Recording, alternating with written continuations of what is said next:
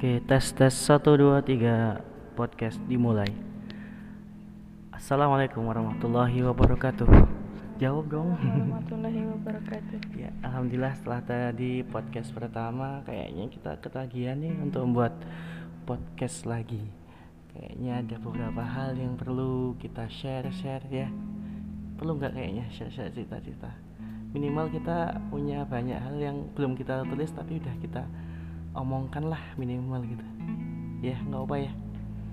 Iya gak sih? Kan apa ya kita hari ini mau ngomong apa? Masalah apa? Kan besok kayaknya diundang nikahan ya kayaknya. Kita ke nikahan teman kamu. Hmm. ya ini lagi musimnya nikahan lagi musim hujan. Jadi banyak yang nikahan. Apa? Oh mungkin karena dingin butuh dipeluk. Kan halal. Ois, apakah seperti itu motifnya?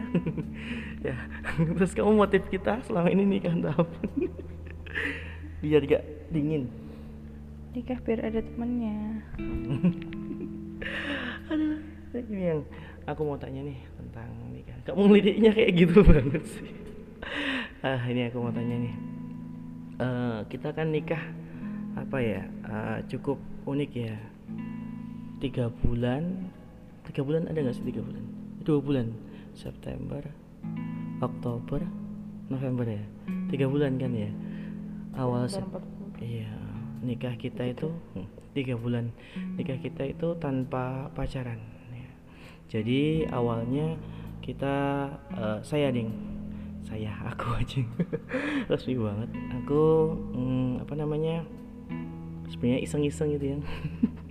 iseng-iseng mencoba apa ya? Ah kayaknya kalau aku minta taruhin sama temen, comblangin sama temen tuh kayaknya kurang kurang pas deh kayaknya kurang berhasil gitu ya. Jadi setelah itu kayaknya harus serius nih gitu. Seriusnya apa? Eh, waktu itu aku kan aku kenalnya itu Bu Ida. Bu Ida itu apa ya namanya? Konseling Konselor. konselor apa itu? Ke nikahan.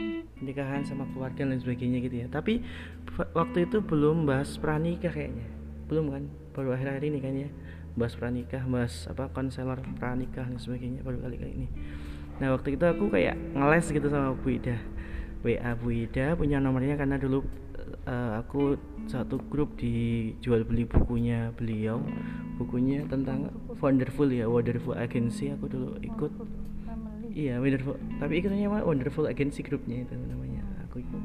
Terus aku tanya Bu Ida, Bu Ida kan sering menerima konsultasi tentang keluarga ya. Ada nggak konsultasi pra keluarga pranikah dan sebagainya? Misalkan kita minta cariin jodoh, bisa nggak untuk apa kayak jadi Namanya? Bukan konsultasi, biro jodoh. biro jodohnya ya maksudnya bisa nggak menangani kayak gini? Salah satunya nanti ada menyiap apa mencarikan dan sebagainya. Eh ternyata dijawab beneran sama Bida.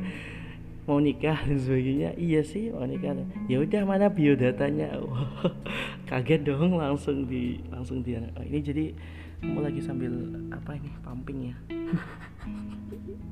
Nggak apa-apa kan ya terus habis itu aku kirim kirim biodata terus nggak tahu sampainya kapan. Kamu nyampe nya dapatnya kapan kamu pas dapat cerita dong waktu dapat biodata itu. Lupa sih. ya Allah cinta kita ngelupain gimana? Ceritanya gimana? Ceritanya.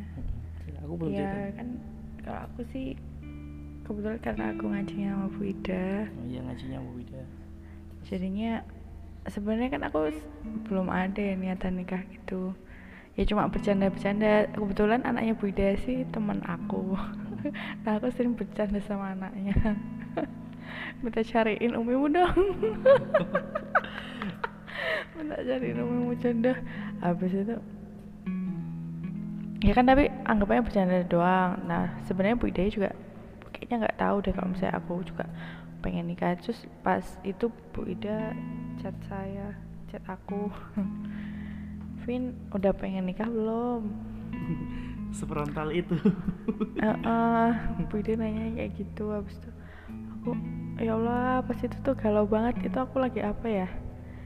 Itu lagi sibuk-sibuknya jadi panitia suatu acara. Hmm, panitia Quran gitu acara Quran gitu ya? Ya gitu lah terus? Habis itu habis Harus itu? habis itu? Ah, kalau aku cuma aku cuma bilang akhirnya insya Allah. Padahal insya Allahnya kan kalau in- insya Allah Indonesia 50-50 ya sebenarnya. Tapi habis itu ya udah maksudnya bisa iya bisa enggak.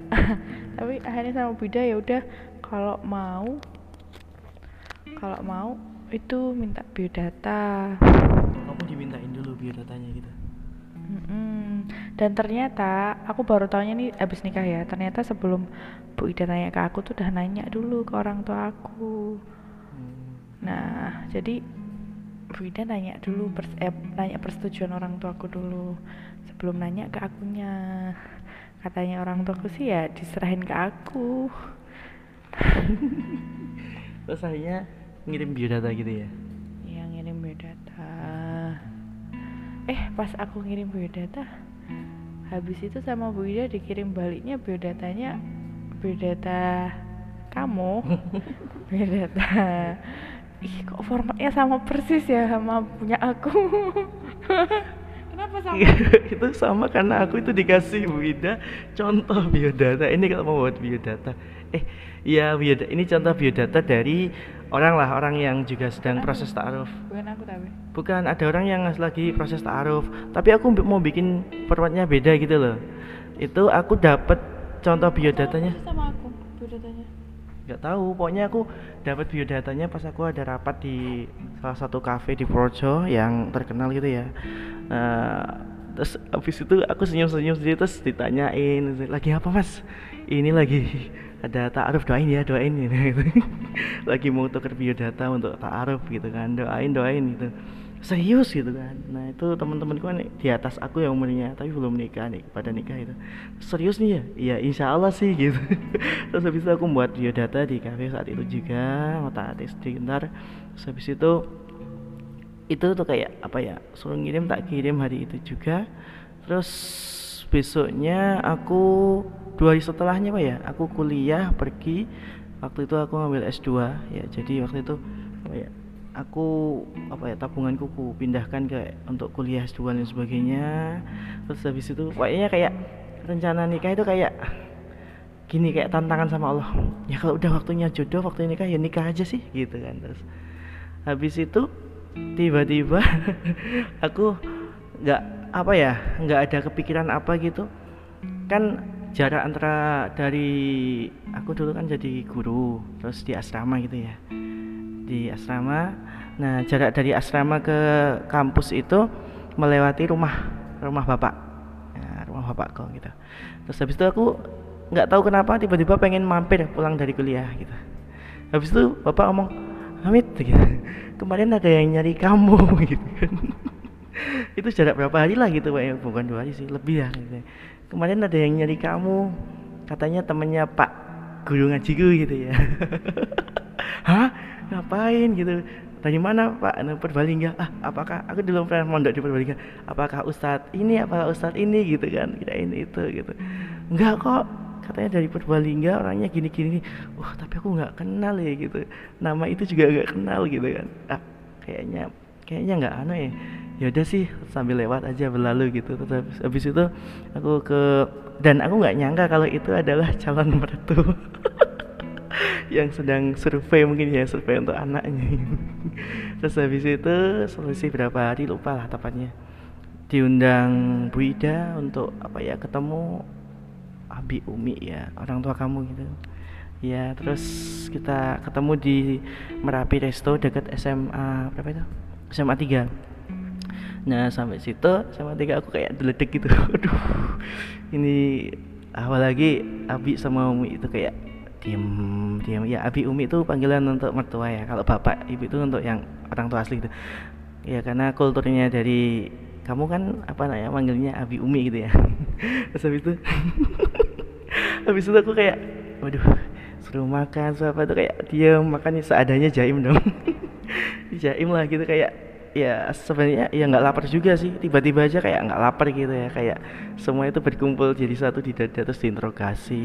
Kayak diinterogasi lah kayak tapi santai. Abi Umi Abi sama itu kayak orangnya kayak slow santai kayak apa ya? Kayak kayak nggak ada unsur kayak lagi apa ya? Kayak mendes apa namanya kalau lagi anu interogasi itu kayak mendesak desak apa kayak kayak mendedes dedes bahasa Jawanya. Mendedes dedes nah habis itu tanya-tanya dan sebagainya. Intimidasi. Kayak intimidasi nggak nggak intimidasi gitu. Kayak ah moga aja orang tua ini baik gitu. Dan sebelumnya aku nggak tahu sih apa sih profesinya dan sebagainya itu cuma lihat aja gitu. Kayak ya udah sih santai aja gitu. Karena takut nanti kalau misalkan terlalu berekspektasi apa ya kalau nggak jadi ya apa namanya nggak jadi nikah ya nggak terlalu kecewa lah gitu. Udah biasa aja lewatin dulu aja gitu. Terus habis itu sholat duhur diajak ke masjid syuhada sama habis sama Umi sholat di sana. Habis itu pulang terus nggak tahu terus habis itu gimana pembicaraannya habis sama Umi ke kamu? Habis itu gimana? Habis itu kamu?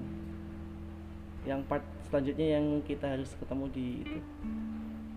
Habis dari ada acara bisnis apa itu seminar bisnis itu Ya itu seminar bisnis itu gimana? Enggak. Lah kan eh, ya pas masa-masa itu kan ya istihoroh terus terus kayak sama Abi sama Mia itu kembali lagi terserah kamu sih. Terus padahal aku tuh udah nggak kayak ngomong kalau Abi sama Mia setuju ya udah sih aku juga nggak apa-apa. Maksudnya aku manut gitu Biasa gitu ya. keputusannya Abi sama Mia apa gitu. Lah ternyata suruh kembali lagi padaku dan aku eh, tinggal ya udah jalan satunya kan istihoroh. Terus dan eh, selain istikharah tentunya kita harus tahu ya calon seperti apakah dia kita kepo Oh iya, aku sebelum itu aku suruh Bu Ida diminta. Jadi kita belum ada komunikasi dua arah ya. Kita masih ada perantaranya Bu Ida gitu. Terus aku suruh dimintain apa itu Facebook sama IG-nya gitu. Terus akhirnya kamu? kepo kepo lah Terus untuk apa? Meyakinkan. Oh, untuk seperti apa sih orangnya itu kira-kira bisa nggak ya jadi imam aku? Kamu yakin kalau yang di Instagram itu bukan pencitraan, nggak 100% real gitu? ya paling nggak kita tahu lah apa sebenarnya aku jadi tahu kamu orangnya kayak apa. Terus kan lihat kita juga lihat harus lihat sampai komen-komennya itu kan teman-temannya kelihatan nanti Wow, kamu melihat komen-komenku. Wah, perempuan kayak gitu ya. Detektif. itu akan kelihatan aslinya nanti kalau di komen-komen Terus aku jadi baru tahu. Kita bongkar di situ habis itu apa lagi ya habis itu ada undangan itu kedatang. oh itu kan habis itu akhirnya kita disuruh nazar ya Hmm. suruh ketemu suruh ketemunya itu awal Oktober habis habis ulang tahun aku Iya. Aku ngucapin ya waktu itu ya? Enggak ya? aku ucapinnya habis ketemu Habis ketemu. ya ya nggak bisa dicontoh sih karena- itu baru dikasih akses itu sama Wida untuk ya udah ini nomornya kalau mau komunikasi dan sebagainya gitu ya. Nah, iya kan habis ketemu itu kan. iya habis nazar baru chat langsung Ceritakan dong waktu nanti kita lucunya di mana? Waktu habis dari kita jadi ada seminar bisnisnya, nadanya di seminar bisnis, terus habis itu diajak ke rumah kamu ya? Iya enggak ceritanya gimana? Apa sih waktu nador itu apa pertanyaan-pertanyaan apa itu yang biar jelas ketika nikah itu besok gak ada kecewa gitu. Iya kan? Misalnya kamu kayak katanya aku nggak bisa masak loh gitu ya. oh, oh iya kan kita kalau uh, pas nador itu kayak terbuka ya apa ya kita tanya aja sama calon kita apa tentang dia gimana akan menyikapi menyikapi tentang sikap sikap kitanya sikap aku yang sebenarnya kayak gitu. Misalnya kayak aku nggak bisa masak. Eh aku tanya dong ke dia masalah nggak ya? Kalau misalnya aku nggak bisa masak kamu tuh nikah sama aku. Terus aku jawabnya apa ya? Aku. Jawabnya ya ternyata jawabnya ya udah aku aja yang masakin. Alhamdulillah. Dan ternyata kamu sangat pro di bidang nyopir-nyopir. Iya enggak sih? Termasuk pro enggak parkir aja langsung mus-mus gitu. Dan aku adalah orang yang nggak bisa nyopir dan anti sama mobil-mobil gitu sebelumnya. Oh kayaknya udah pumping itu. Ya terus habis itu ya sebelumnya menjadi menjadi rahasia umum kalau aku tuh kalau naik mobil naik apa itu gampang mabuk makanya antipati makanya sampai sekarang pun masih belum bisa naik mobil. Selain itu apa lagi yang yang perlu ditanyakan ketika kayak nador itu waktu itu apa aja? Sifat. Kalau marah gimana? Kalau kalau dia kalau marah tuh gimana? Nyampe nyampe ke fisik gak apalagi itu tuh aku udah ke fisik gak sih Enggak kan? Enggak sih. Enggak, Soalnya pas ditanyain tuh dia bilangnya kamu bilangnya ini. Marah, marah. Aku nggak apa nggak bisa marah orangnya ya. Iya. Karena kalau marahku sama anak-anak murid itu acting gitu. Sedangkan kalau aku sih apa kalau aku ternyata apa? Mudi gampang marah dikit-dikit. Ya ya katanya sih emang itu sifat perempuan ya. Baru sebentar senyum tiba-tiba udah udah ganti topik marah gitu. Kan kita nggak siap ya mentalnya tiba-tiba marah. Makanya kayak awal-awal nikah tuh apalagi ya aku kalau dibilang pacaran nggak pernah sih. Mungkin kalau deket sama perempuan pernah banyak gitu ya chatting chatting dan sebagainya. Waduh, banyak. Ya maksudnya ada lah gitu banyak gitu. Maksudnya kayak biasa gitu loh biasa. Makanya kaget gitu. Ah, kok nikah gini ya? Perempuan kok gini ya? Marah-marah lalu sebagainya. Sempat kayak oh, ternyata nggak semudah gitu gitu. Udah itu Ferguson. Karena... kalau mau gampang bisa nikah. Terus habis itu kayak nikah gitu kayak jadi awal-awal nih awal nikah tuh kayak apalagi waktu itu kamu hamil.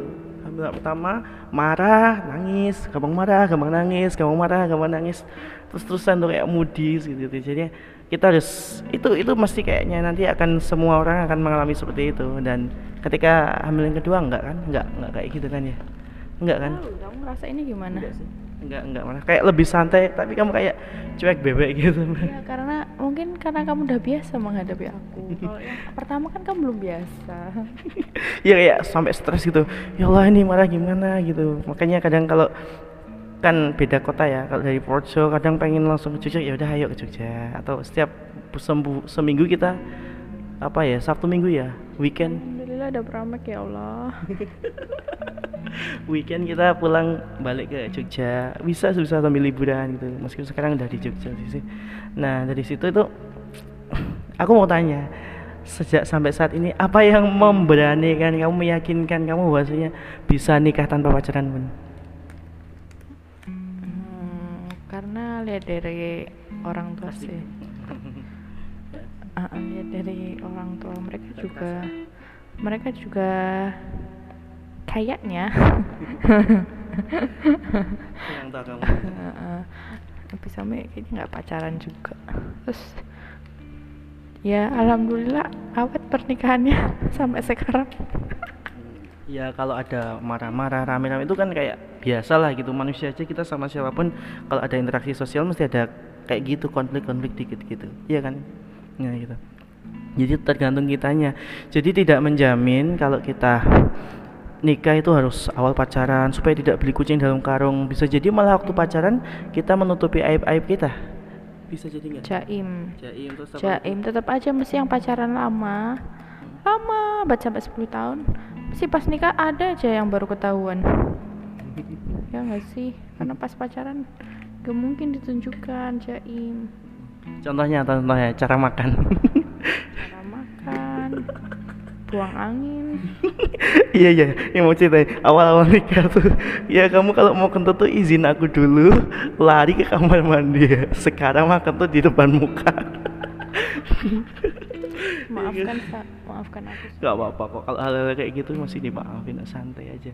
Ya, ya ini jadi pelajaran buat kita juga. Jadi belum tentu pendekatan yang sering pacaran yang benar-benar sampai matang sampai kayak nyicil rumah nyicil motor berapa tahun gitu itu menjamin nanti menuju jenjang pernikahan bukan berarti itunya. Tapi uh, apa ya nilai keberkahan. Nah, kalau aku sih berani kayak gitu ambil resiko nikah tanpa pacaran tuh kayak ya yakin aja sih aku yang kaji selama ini aku yang pelajari di pesantren selama ini yang aku dapatkan ya bisa biasa gitu. Nikah tanpa pacaran kayaknya aman sih santai gitu. Asal kita uh, bisa benar-benar apa ya siapkan diri menyiapkan diri itu bukan berarti menyiapkan kalau nggak siap harta nggak siap no, kita nggak jadi menikah. Tapi siap itu siap dengan segala resikonya ketika setelah akad sah gitu ya kalau kita mengandalkan cuma menyiapkan apa ya uh, yang sifatnya duniawi misalkan bukan siap mental bisa jadi setelah nikah tiba-tiba ada musibah kecelakaan habis apa itu tabungan dan sebagainya itu kan kayak bisa saja bagi Allah untuk mudah untuk membuat seperti itu kan. Makanya kayak apa ya itu santai aja nikah nikah aja kalau udah waktunya nikah gitu. Nah yang perlu disiapkan mental. Mental ketika nanti kita berdua mental ketika ngekos bareng. Kontrak bareng dan sebagainya itu mental yang harus disiapkan tuh memang benar-benar mental dan apa ya ya meskipun apa ya skill skill atau kompetensi perihal pernikahan, kekeluargaan dan sebagainya juga kita harus tahu itu. Karena jujur agak-agak minim sih waktu itu karena di pesantren waktu sampai bab nikah kayak eh, kita lompati aja karena masih anak-anak gitu gitu. Jadi aku nggak belajar tentang fikih pernikahan juga. Ini buat yang lain bisa belajar dulu dan sebagainya. Jadi insya Allah insya Allah apa ya aman kok nikah tanpa apa ya pacaran ya, tanpa pacaran. Sekarang juga banyak sekolah pranikah. Hmm apalagi besok pemerintah mau buat apa namanya itu? Uh, diklat apa itu kayak sertifikasi. Sebenarnya pemerintah udah ngadain cuma tuh sebentar ya cuma berapa hari. Tiga hari. Dan itu pun ada yang nggak datang nggak datang jadinya malah aku sama siapa ya itu prakteknya? Sama mas-mas juga cemburu nih. Terus habis itu? Yang lainnya sama pasangan coba. Sebenarnya ada sih cuma mungkin kurang kurang itu aja sih. Kurang apa sosialisasi. Jadi menurutku sih sertifikasi bukan sebelum nikah tapi itu bisa jadi materi sekolah juga bun. Iya nggak? Iya nggak yang? Jadi kayak materi sekolah orang tuh benar-benar disiapkan untuk menghadapi dunia realitinya gitu loh bukan hanya cuma dunia pekerjaan tapi karena yang jadi goal orang udah dan bisa jadi goalnya itu bukan masalah duniawi yang kayak gitu tapi masalah nikah kan masalah ibadah itu juga harus dikasih tahu. Katanya kalau Kristen juga udah malah lebih lengkap ya?